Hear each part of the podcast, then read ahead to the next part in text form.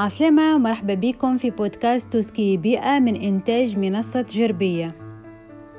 بودكاست توسكي بيئة باش نحكيو فيها على عدة مواضيع بيئية كما التغيرات المناخية وتأثيراتها على حياتنا اليومية المخاطر اللي تعترض السلاحف البحرية وتأثيراتها على الكائنات المحيطة بها باش نحكيو زاد على آفة البلاستيك ومخاطره والحرائق اللي غزات عدة بلدان إضافة إلى عدة مواضيع أخرى باش تسمعوهم تباعا في حلقاتنا من tout ce qui بيئة.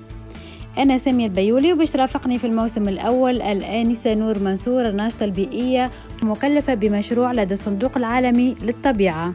عسلامة نور. عسلامة مرحبا بالعباد اللي يسمعوا فينا. أنا نور منصور ناشطة بيئية biologiste environnementale ونشتغل في الصندوق العالمي للطبيعة مكلفة بمشروع في المنظمة هذه البيئية. أنا باش نكون أنا وسامية نرافقوكم في البودكاست هذا اللي هو فريد من نوعه tout ce qui بيئة تلقاو فيه كل أخبار البيئية وكل ما يتعلق بالبيئة والموجات الخضراء ال green vibes وكل تلقاوهم لهنا. تابعونا واسمعونا وما تنسوش تبارتاجيو الحلقات اللي تعجبكم مع العباد اللي تعرفوها.